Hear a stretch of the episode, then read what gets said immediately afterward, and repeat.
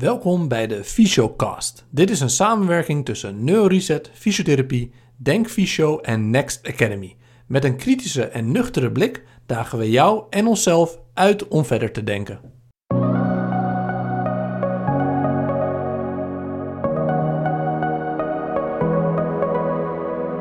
In deze podcast hebben we het met dokter Leon van der Toorn over long-covid. Dokter van den Toorn is longarts in het Erasmus MC en voorzitter van NVALT. We zullen het gaan hebben over de langdurige klachten na een COVID-besmetting. Een probleem waar veel fysiotherapeuten op dit moment al mee te maken heeft en waar we steeds meer te maken mee zullen krijgen. Een deel van de mensen houdt na een SARS-CoV-besmetting langdurige klachten. Dit wordt long-COVID genoemd. Niet te varren met long van de longen, maar long van lang. Verwarrende term. Deze klachten kunnen tot enkele weken, maar soms ook meerdere maanden na een infectie van COVID aanhouden. Geschat door het RIVM wordt nu dat 1 op de 5 mensen 4 tot 5 weken na een COVID-besmetting nog steeds klachten heeft. We wensen je heel veel luisterplezier. Volg ons ook nog even op Instagram via neureset show denkfysio en Next Academy.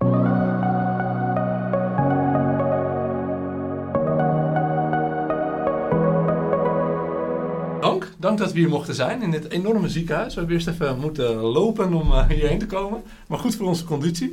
Uh, we gaan het vandaag hebben over uh, long-covid. En voordat we beginnen, zou u uzelf willen voorstellen? Zeker wil ik dat. Mijn naam is Leon van den Toren. Ik ben longarts hier in het Erasmus MC. En ben tevens opleider longziekte hier. Ben ook nog waarnemend afdelingshoofd hier. En daarnaast ben ik ook nog voorzitter van de longartsenvereniging, de NVAT. Dus een aantal taken bij elkaar. En hoe heeft u die hele coronacrisis tot nu toe ervaren? Was het erg stressvol of qua persoonlijk ja, wel stressvol. Het begon al dat ik zelf corona kreeg, eh, oh. anderhalf jaar geleden. Ehm, toen was het ook in de periode dat alles enorm snel drukker ging worden. Dat er van alles in het ziekenhuis en landelijk besloten moest worden. In heel korte tijd moesten er allerlei leidraden worden opgesteld. Hoe we met corona om moesten gaan. Ondertussen stroomden de ziekenhuizen over. En ja, hadden we natuurlijk ook uitval van medewerkers zelf. Hè, dus dat maakte de druk voor de dokters en verpleegkundigen natuurlijk alleen nog maar groter. Plus nog eens een keer de onbekendheid met een ziekte waarvan we eigenlijk nog niet zo goed wisten hoe we daar nou vanaf moesten komen. En ook niet hoe we ermee om moesten gaan. Dus in het loop van anderhalf jaar hebben we natuurlijk een gigantische ontwikkeling gezien. In ten eerste hoe we ermee om moeten gaan, of we het beloop goed kunnen voorspellen. En ook, waar we het nu straks over gaan hebben, over het post COVID-beloop. Want daar is ook veel over te doen. Ja, want in het begin was het natuurlijk heel veel onbekend en uh, was ook best wel angst. Had u dat zelf ook zo ervaren? Dat u dacht een beetje misschien paniek of dacht u van nou, uh, zeg maar als je puur professioneel kijkt? Ja, paniek is misschien niet het goede woord, maar wel steeds meer onrust over wat er natuurlijk ging gebeuren. En ook over de omvang van het probleem, die we toen natuurlijk nog helemaal niet konden inschatten. In eerste instantie, toen de eerste berichten kwamen, toen was het van, uh, nou het zal wel loslopen. Hè, een uh, soort griepje uit China en dat verspreidt zich een beetje en over een paar weken zijn we er weer vanaf. Ja. En na de eerste golf dachten we dat ook weer, van nou nu zal het ook wel snel onder controle zijn. Maar toen dat voort bleef gaan, ja, toen begon natuurlijk steeds meer de onrust toe te slaan. Ook toen we zagen dat steeds meer mensen, ook in eigen kring, mensen doodziek zijn geworden. Hè, we goed in konden schatten dat de ziekte toch heel vaak zeer ernstig kon verlopen, in het ziekenhuis tenminste. Ja, dus de, de omvang van het probleem werd natuurlijk steeds duidelijker. Ja, en als u in het, um, want ik denk dat iedereen tegenwoordig wel weet wat COVID is, maar als u voor fysiotherapeuten in het kort zou moeten uitleggen uh, waarom we nou zo ziek worden van COVID, hoe zou u dat dan uitleggen? Ja, daar is natuurlijk ook veel wetenschap overheen gegaan in de afgelopen anderhalf jaar. Um, het is een virus, hè, dat weet iedereen. En het virus komt binnen via de luchtwegen of de neus. En dan begint het met aantasting van het slijmvlies wat daar zit. En, en, dan beginnen de klachten in de vorm van niezen en hoesten en niet lekker zijn, een beetje koorts. dus de dingen die we ook van griep kennen en andere virussen kennen. Maar op een gegeven moment gaat dat virus dan verder het lichaam in via de bloedbaan. En dan begint het probleem eigenlijk pas, want het lichaam herkent dit virus niet. Hè. Dat is anders met andere virussen, zoals verkoudheidsvirussen of een griepvirus. Dat virus kennen we in het land en in de hele wereld. En dat betekent dat ons lichaam er dan ook meer op ingesteld is en weet wat hij eraan moet doen. dus oftewel, het lichaam gaat proberen zo'n virus op te ruimen. Maar als het lichaam het virus niet kent, dan gaat het in de vorm van allerlei kanonschoten proberen om het virus weg te krijgen. En juist die reactie weten we dat dat de grootste boosdoener is om doodziek te worden. Dus het is niet het virus zelf wat ervoor zorgt dat iemand op de intensive care belandt of kan overlijden wellicht. Dat is de reactie van het lichaam die iemand doodziek maakt. En wat maakt dan waarom de een er zieker van wordt dan de ander? Ja, dat is een goede vraag waar we eigenlijk geen goed antwoord op hebben. we weten natuurlijk wel, dat is natuurlijk ook bij het hele vaccinatieprogramma naar voren gekomen, dat er risicogroepen zijn. op hogere leeftijd heb je veel meer risico op een slechtere afloop. Dat komt deels natuurlijk door een slechtere conditie, door andere ziektes die iemand al heeft. Maar het komt ook waarschijnlijk doordat het afweersysteem dan nog heftiger gaat reageren op een virus wat het lichaam niet kent. En daarom zien we op heel jonge leeftijd bij kinderen eigenlijk niet zo'n heel grote problemen. Waarschijnlijk omdat het afweersysteem dan nog wat subtieler met dit soort virussen omgaat en zegt van oh, dat is weer een nieuw virusje, daar ga ik even rustig op reageren. Kinderen kunnen wel ziek worden, maar meestal niet doodziek, hè, zoals dat bij de volwassenen wel is.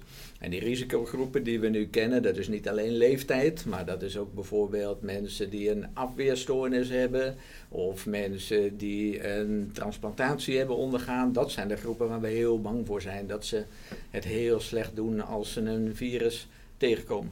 En zou je dan kunnen zeggen dat kinderen hun immuunrespons flexibeler is, omdat ze dan nog moeten leren van nieuwe virussen? En bij ouderen is dat dan wat meer ja, zo zou, zo zou je het kunnen noemen. Waarschijnlijk is de respons bij een kind op een virus toch inderdaad wat gelijkmatiger. In de zin van, nou, het hele afweersysteem gaat er nog niet meteen rigoureus op reageren.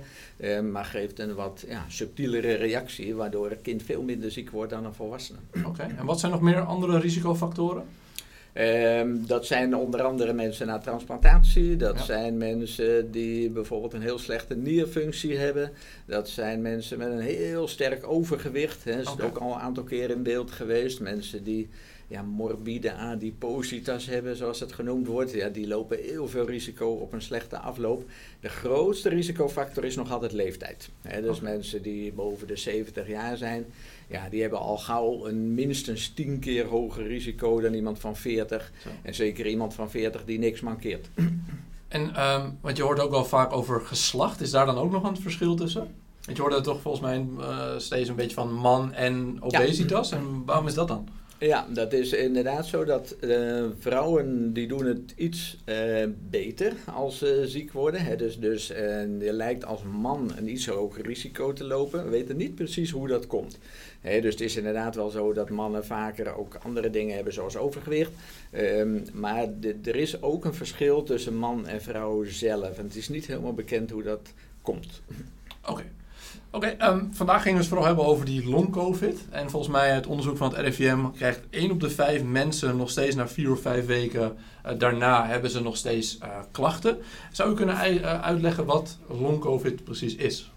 Ja, dat is, dat is op een gegeven moment in beeld gekomen, ook na een oproep onder andere vanuit het Longfonds, om te gaan kijken van nou wie heeft er nou lange tijd na COVID doorgemaakt te hebben. En lange tijd is een beetje rekbaar begrip natuurlijk. Hè. Je noemt een aantal weken, maar het was ook soms wel maanden. Hè, dat mensen zeggen, ja, het is allemaal heel mooi met dat virus. Maar nu drie maanden later ben ik nog steeds doodmoe. Eh, ik kan de trap niet goed op. Mijn conditie is nog hartstikke slecht. Ik kan niet aan het werk. Ik heb moeite met ademen. En zo kwamen die verhalen steeds meer een beetje naar voren. Het is zeker niet zo dat iedereen dat nou heeft. Het is echt maar een klein percentage van de mensen die COVID doormaken. Maar ook een klein percentage van enorme aantallen wordt natuurlijk best een flink aantal. Dus we hebben het dan al gauw over tienduizenden mensen in Nederland ja, die aan dat plaatje voldoen. En dat betekent dat ze soms wel tot een half jaar na corona doorgemaakt hebben. Dat ze dan nog steeds zeggen van ja, ik ben nog steeds nog geen 20% van wat het had moeten zijn qua conditie en qua andere klachten. Hè. Sommigen klagen ook over haaruitval, sommigen Ja. klagen ook over verminderde reuk en smaak. Hè, het zijn allemaal klachten die niet bij het overgrote deel van de mensen voorkomen, maar wel bij een, ja, een deel dat toch belangrijk is. Ja, dus de belangrijkste symptomen zijn vermoeidheid. Volgens mij probleem met slaap hoor je ook wel Ja. veel. Die haaruitval, ik zou het niet weten hoe dat dan te verklaren is. Maar Nee, is weten we zelf ook niet zo goed. Nee, nee, dat is dus ook niet bij de meerderheid van de mensen zo, maar we komen het regelmatig tegen. En het lijkt eigenlijk gelukkig altijd wel dat soort klachten te herstellen uiteindelijk, maar het kan soms maanden en maanden duren. Ja, en dan natuurlijk de eh, longinhoud, gewoon hè, de longfunctie. Tenminste, ik ken een aantal mensen die ik begeleid en die dan echt eh, na één eh, squat of whatever echt al helemaal eh ja, doodop zijn en doodmoe zijn. Ehm, wat zijn nog meer belangrijke symptomen? Ja, de, wat je noemt is ingewikkeld in de, hè, voor de longfunctie en de longinhoud. Hè, we hebben gezien bij al die mensen die we dan een keertje op onze polykliniek zien, dat daar vaak helemaal niet zoveel afwijkends in te vinden is. Hè, dat is natuurlijk wel vaak bij mensen die opgenomen zijn geweest, die ernstige longafwijkingen hebben gehad. Ja, daar zien we vaak maanden later dat je daar echt nog wel iets van over hebt gehouden. Vaak herstelt dat gelukkig op de nog langere termijn wel goed. Hè, dus het is meestal niet zo dat mensen een jaar later nog een uitgebreid slechtere longfunctie hebben dan voorheen. Dat is echt een uitzondering. En we hebben gezien met de mensen die thuis corona doorgemaakt hebben, hè, want dat was de groep die vooral in beeld kwam voor de lange termijn klachten, dat we daar zagen dat als je daar gaat kijken naar foto's van de longen en longfunctie, dat het meestal wel meevalt. En meestal zijn dat maar geringe afwijkingen die we zien, die niet goed in verhouding lijken te staan tot de klachten die ze hebben. En wat zijn dan die veranderingen? Zijn dat echt op anatomisch niveau dat er schade is in het weefsel? Of is dat meer omdat de belastbaarheid gewoon zo laag is dat ze het niet meer kunnen?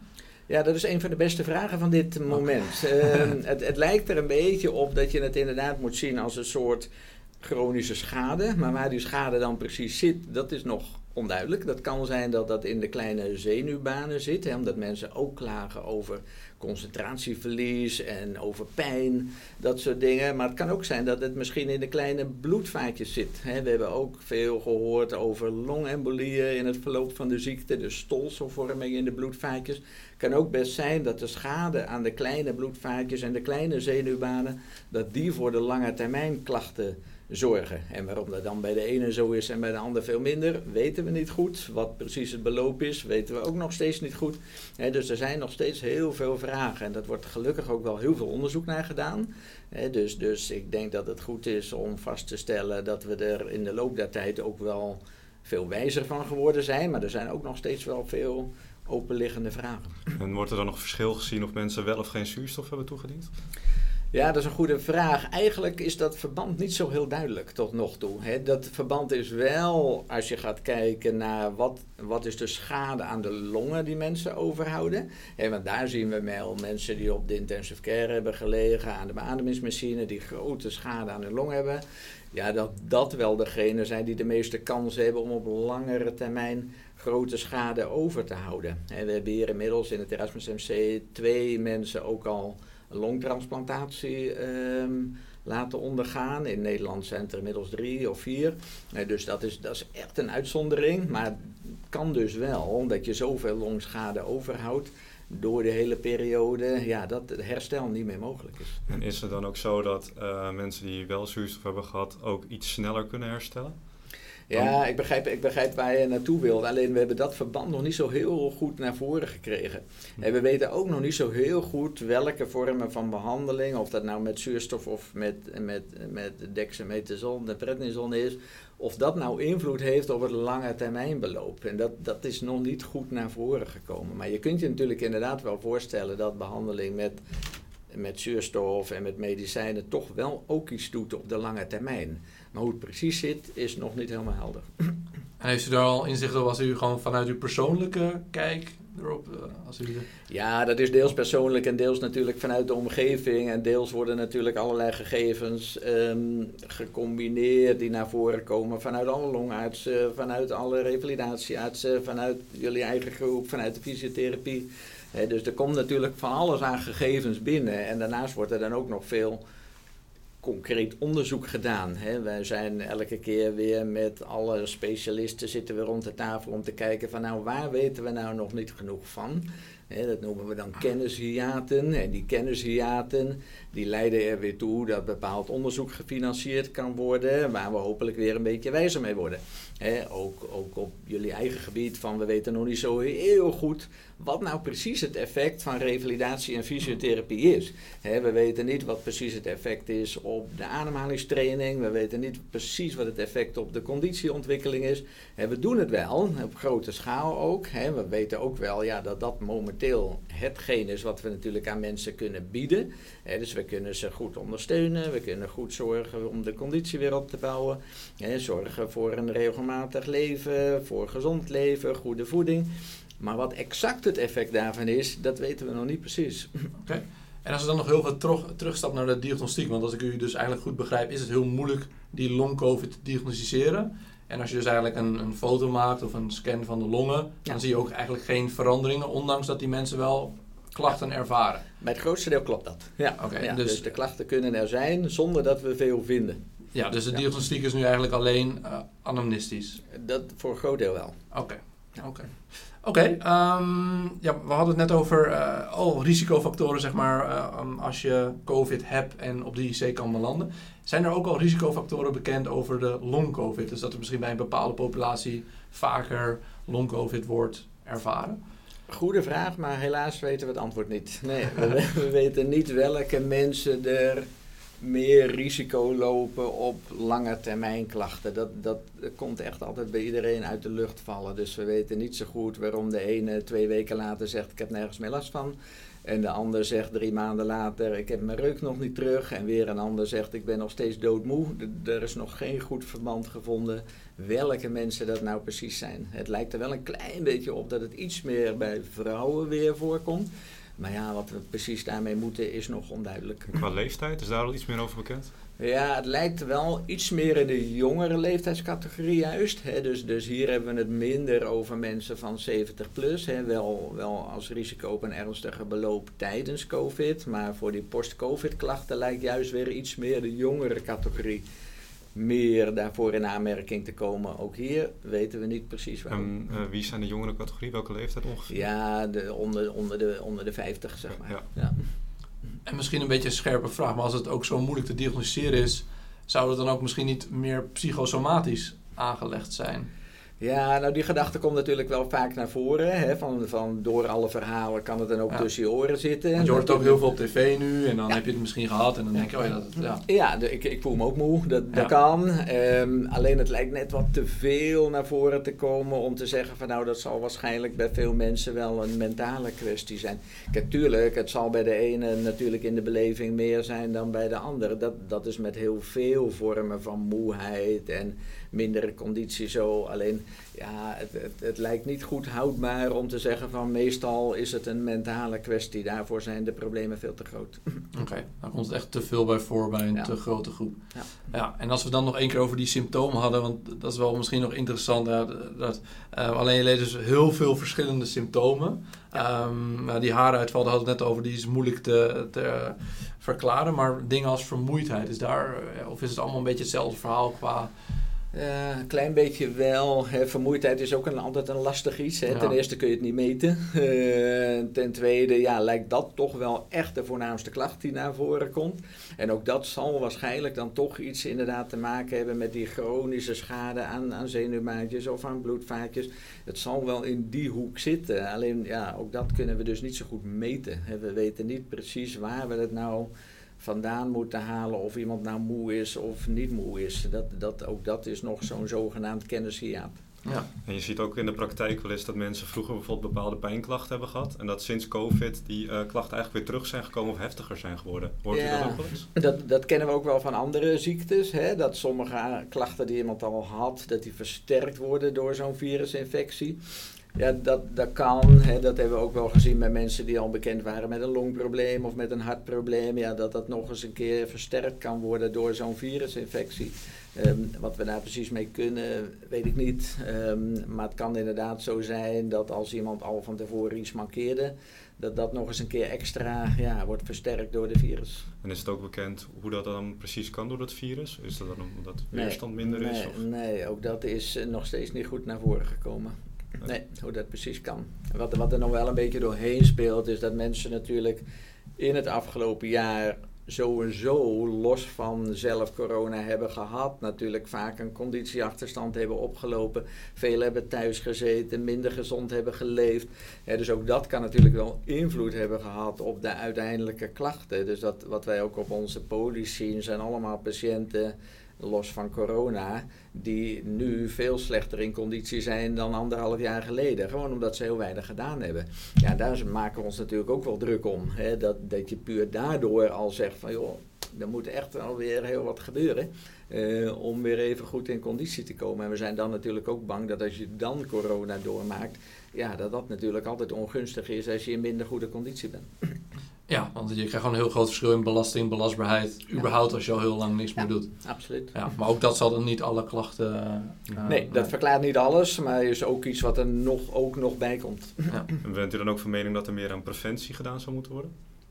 Ja, in zekere zin wel. Hè. We proberen natuurlijk ook wel, nou, nou wij niet alleen, maar iedereen probeert natuurlijk ook wel tegen iedereen en alle, alle, ook al onze patiënten, maar ook iedereen in Nederland te zeggen van ja, het zo goed mogelijk in conditie zijn, een goede voedingstoestand is ongetwijfeld voordelig hè, op, op de bevattelijkheid voor infecties. Hè, dat weten we ook wel vanuit andere ziektes, maar ook waarschijnlijk wel op het beloop. Hè. Het is nou eenmaal zo als je in prima conditie bent, ja, dat je natuurlijk toch wat meer kunt hebben dan iemand die wat ouder en krakkemikkiger is um, en natuurlijk veel minder reserve heeft. Ja, dus het is zeker wel een pleidooi voor uh, goede levensstijl. Ja. ja, daar kunnen we het zo zeker nog even over hebben. Waar ik nog heel veel uh, naartoe wilde is, ik, tijdens de voorbereiding kwam ook heel veel de vergelijking met ME tegen. En dat staat voor myalgische encephalitis. Ik spreek het vast niet goed uit. Maar dat gaat eigenlijk over chronische ontsteking in de hersenen en ruggenmerk. Uh, wat ook vaak naar virussen komt. Is er daar een vergelijking of doen ze daar onderzoek naar? Of Weet u daar iets van af? Nee, er wordt, er wordt, ik, begrijp, ik begrijp de vergelijking. Myalgische encefalitis. Ja, ja. was bijna, bijna goed. bijna goed. Um, ja, weet je, dat, dat zijn aandoeningen waarbij we inderdaad ook niet precies weten hoe het werkt. En natuurlijk kun je bepaalde parallellen zien. Die zien we ook met bijvoorbeeld Q-koorts, eh, dat soort dingen. Mm dus dan weten we ook dat er een lange termijn beloop kan zijn. En ja, weet ook niemand precies hoe dat komt.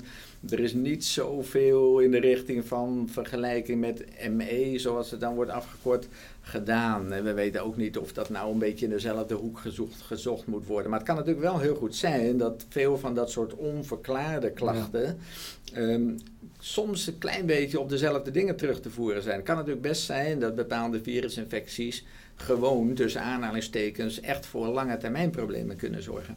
Dus dat kan.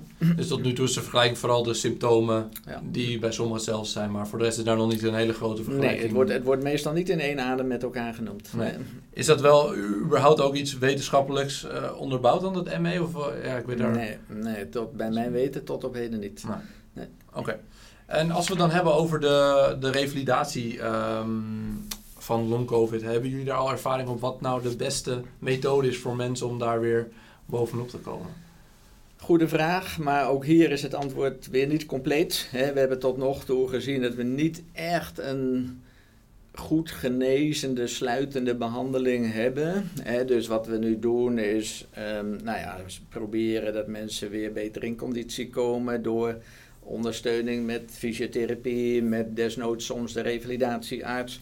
Um, om gewoon weer ja, de conditie zo snel mogelijk op peil te krijgen. En ook als er een, ja, dat is dan vaak bij de opgenomen patiënten zo, die hebben natuurlijk een voedingsachterstand opgelopen, hebben problemen met spierverval opgelopen, hebben problemen met hun zenuwbanen opgelopen. Dus dat is natuurlijk nog weer een andere categorie dan de mensen die nooit opgenomen zijn geweest en drie maanden later zeggen ik ben nog moe. Hè. Dat is in onze beleving altijd een andere categorie patiënten dan de patiënten die echt daadwerkelijk heel veel zichtbare schade heeft opgelopen. Voor beide categorieën zou het natuurlijk heel zinvol kunnen zijn om dat goed te ondersteunen. Met een fysiotherapie eh, traject en, en nou ja, goede ondersteuning van alles wat maar gezond is.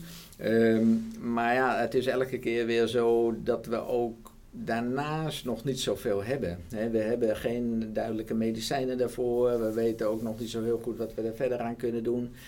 En ook daar ja, hopen we natuurlijk in de toekomst nog wel wat meer over te weten te komen. Ja, dus qua die interventies zijn er nog eens heel veel en is het nu vooral conservatief qua fysiotherapie. Ja. Wordt dan ook elke long-covid-patiënt vaak naar een fysiotherapeut nu toegestuurd? Um, elke weet ik niet, nee denk ik niet, maar wel een behoorlijk aantal. we horen wel getallen echt van tienduizenden patiënten die nu momenteel fysiotherapeutische ondersteuning krijgen. Dus ik denk dat het wel veel wordt gedaan in ieder geval. Gewoon puur ook omdat we, nou ja, dat is niet het goede woord van we hebben niks beters, maar wel van nou, we weten ook niet zo goed wat we er verder aan kunnen doen.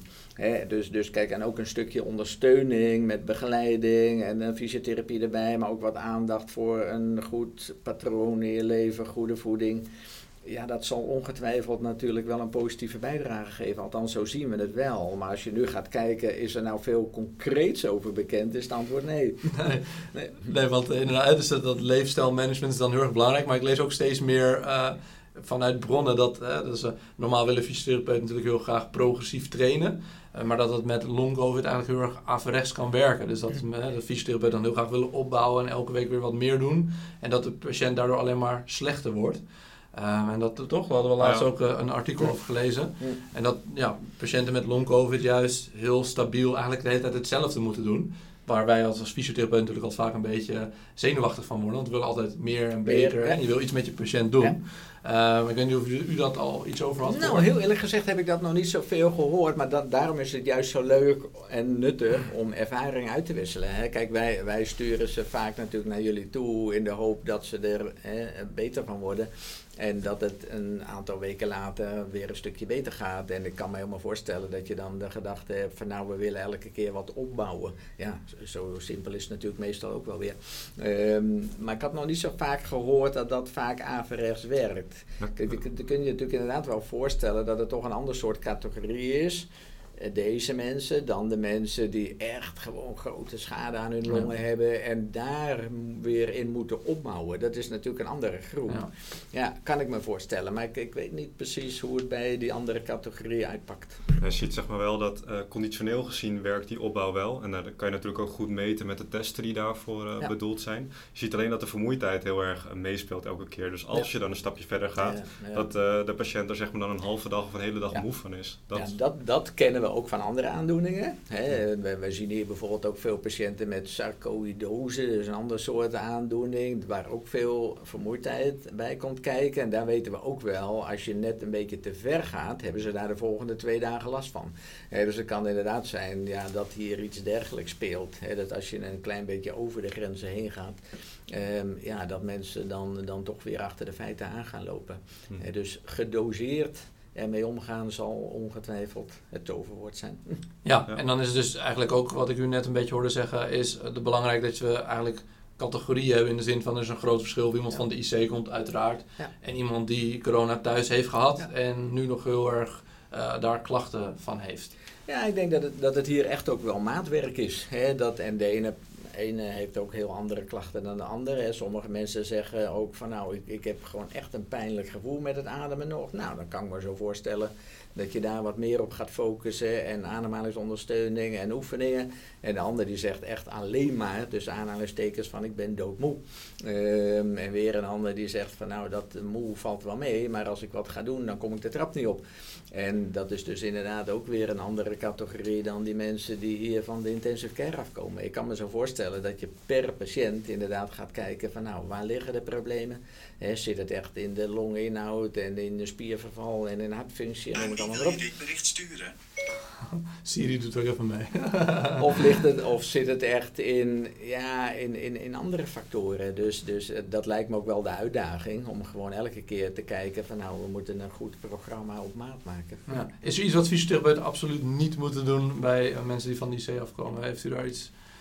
Nee, ik heb niet iets heel concreets gezien of gehoord wat echt niet moet. Nee, dus, dus ik, ik denk behalve eh, los van dat maatwerk, ja, dat er niet heel veel dingen zijn waarvan we zeggen van nou dat mag je nou absoluut niet doen. Um, ik kan me wel voorstellen dat je inderdaad soms je doelen een beetje bij moet stellen, al naar gelang wat voor patiënt het is en wat hij heeft doorgemaakt. je kunt van een intensive care patiënt die drie weken aan een beademingsmachine heeft gelegen, niet verwachten dat hij twee weken later weer in topconditie is. Uh, dat, dat, dat gaat niet. Hè. Dus daar moet je natuurlijk toch weer andere doelen, denk ik, neerzetten dan bij iemand waarbij je denkt van ja, je hebt nog een beetje conditieachterstand, maar dat kunnen we in een paar weken heus wel wegwerken. Ja, dat hebben we ook wel gezien, los van, van echt een fysiotherapeutische uh, ondersteuning bij onze eigen patiënten. Ja, op het moment dat ze toch weer gewoon zelf aan hun conditie kunnen werken, zie je ook wel vaak weer een duidelijke verbetering in uh, ja, soms ook niet al te lange tijd. Oké. Oké. En um, bij de long-covid-patiënten, uh, heeft u daar nog, dat u zegt voor fysiotherapeutisch niveau, uh, uh, dus u had het al over management van leefstijl, uh, langzaam de belastbaarheid weer proberen op te bouwen. Zijn er verder nog andere factoren waar fysiotherapeuten mee Ja, ik denk, kijk, ik denk dat sowieso de begeleiding belangrijk is in de breedste zin van het woord. Hè, want mensen worden er onzeker van. Um, in de beginfase wisten we natuurlijk helemaal nog niet waar we aan toe waren. Wisten niet wat ze ervan konden verwachten. Wisten niet of het nog beter zou gaan.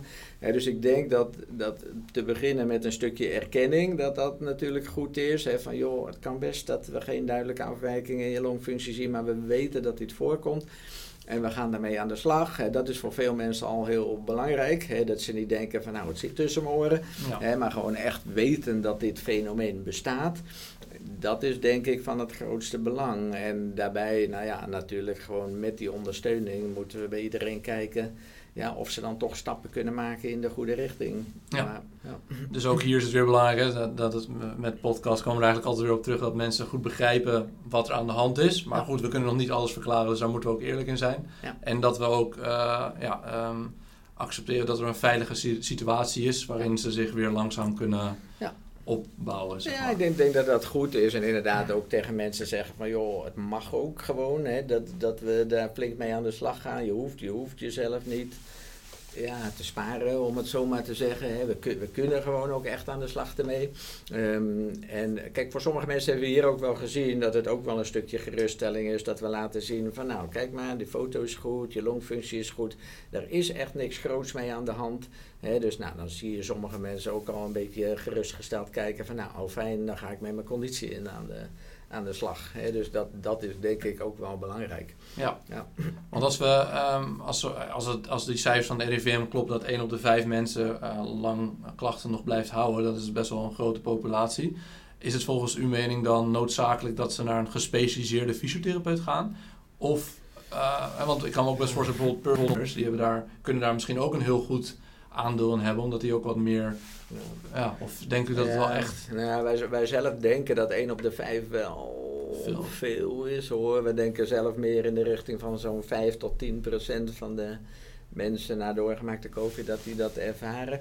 Ja, ik, ik denk dat ook hier dat dat maatwerk is. Ja. dus kijk, ik kan me best voorstellen dat als iemand het in vrij milde mate heeft en die puur zegt van nou, ik wil gewoon wat aan mijn conditie werken, maar ik weet niet zo goed hoe, dat een personal trainer ook heus wel wat kan doen. Hè? Maar als mensen gecompliceerdere problemen hebben of inderdaad uit het ziekenhuis komen, ehm, ja, dat je dan natuurlijk meer kan bereiken met wat meer kennis en achtergrond en mogelijkheden. Ja, ook, dus, dus ook vanuit de patiënt dat hij weet dat hij op de goede plek zit. Ja, dus kijk, kijk, als we tegen sommige mensen hier uit het ziekenhuis zeggen, ga maar een personal trainer zoeken, dan kijken ze je natuurlijk aan van, weet je dat.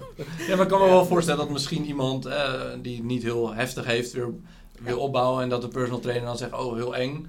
Uh, dat. dat. zou ik ook als fysio... Kijk, ik ben geen gespecialiseerde ja. fysiotherapeut. Maar dan zou ik gelijk denken, oké, dat is heel eng. Maar ja, misschien kunnen we wel met z'n allen een steentje bijdragen.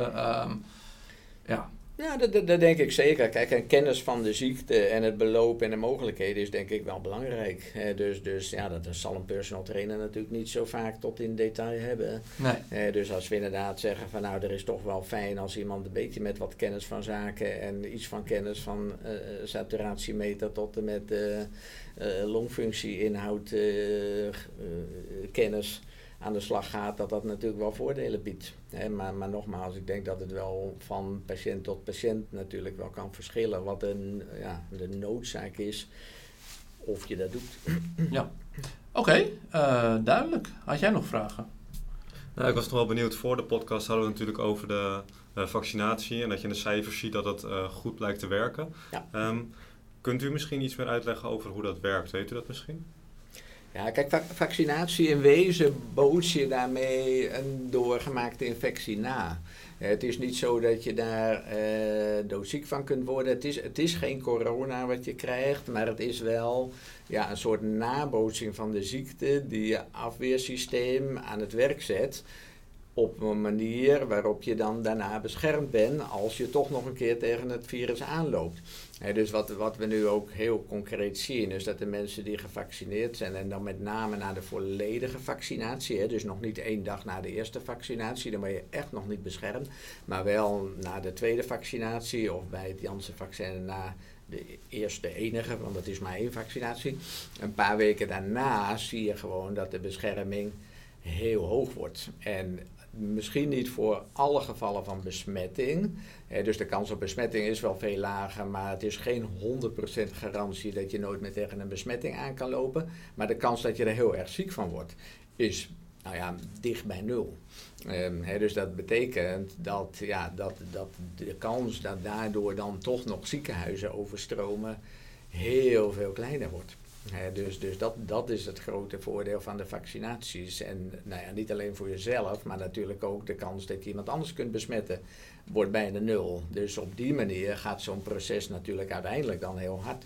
Want hoe hoger de dus dekkingsgraad, hoe beter het werkt, toch? Ja, ja, dat klopt. En we zien nu natuurlijk, nou er zijn nu dacht ik, iets van 9, 9,5 miljoen eh, vaccinaties gezet. Ja, dus dat betekent dat een heel groot deel van de mensen, nou ja, inmiddels de mensen boven de 50, al gevaccineerd zijn. Nou, dat waren natuurlijk de mensen die in het ziekenhuis werden opgenomen. dus vandaar dat je nu ziet dat die cijfers zo keihard naar beneden gaan. dat is natuurlijk nog steeds wel in combinatie met de maatregelen. Maar uiteindelijk moeten de vaccinaties het natuurlijk doen. Is dat een main... Uh, dus als ik u een klein beetje samenvat, is voor u uh, dat u zegt, oké, kijk ook vooral naar het practice-based, kijk wat we nu kunnen leren. Ja. En die onderzoeken die ernaast lopen, ja. dat, dat... Ja, dat zou wel mijn idee zijn. Kijk, het is natuurlijk een andere vraag als je zegt van... moet iedereen na zo'n corona naar de fysiotherapeut? Zeggen, nou, dat lijkt me ook weer een beetje overdreven. maar dus, dus de waarheid zal natuurlijk ergens wel in het midden liggen. En alleen, kijk, er zal natuurlijk vast wel eens iemand tussen zitten... waarbij we denken, ja, was dat nou keihard nodig? Je had zelf ook uh, wat leuke dingen kunnen gaan doen. Ja. Uh, tuurlijk, dat zal wel. Maar ja, dat is met elke vorm van aanpak natuurlijk zo. Ja. ja altijd, ja, ik ga mijn longen trainen. Wij zeggen, ja, longen trainen, longen trainen, longen trainen. Training doet niet zo vreselijk veel op je longinhoud. He, training doet wat op je spierfunctie, op je hart- en bloedsomloop en de interactie daarmee. maar niet zo heel veel op, op je longinhoud. He. Mensen die we natuurlijk allemaal zien hier ook, los van de corona, met allerlei andere longproblemen, die zeggen, oh ik ga wel sporten en dan wordt mijn longinhoud weer beter. Nou, dat valt nogal tegen. Uh, die wordt meestal niet zo vreselijk veel beter. Oké, okay, uh, dus, uh, Ja, dus dat, dat is altijd een beetje goed om te beseffen. Hè, kijk, marathonlopers hebben helemaal niet zo'n grote longinhoud hoor. Het is meer de efficiëntie van het hele systeem. Eff efficiëntie van, van je hart en je spieren en, en, en natuurlijk het metabolisme in je spieren. Dat maakt, of je natuurlijk, je moet niet een halve long hebben, dan gaat het niet goed, dan wordt dat een beperkende factor. Maar normaal gesproken... Is het niet heel trainbaar? Dat, nee, zijn je longen niet zo heel trainbaar en is het ook meestal niet de beperkende factor. dus dus uh, dat, dat is altijd wel een soort mindset voor iedereen. Van, maar we zeggen wel altijd van ja, maar dat, dat wil niet zeggen dat het niet nuttig is om te gaan trainen. Want je conditie verbeteren is natuurlijk in allerlei opzichten wel gunstig. Ook al is je longinhoud precies hetzelfde. Um, en je verbetert natuurlijk wel gewoon hoe je functioneert. Ja.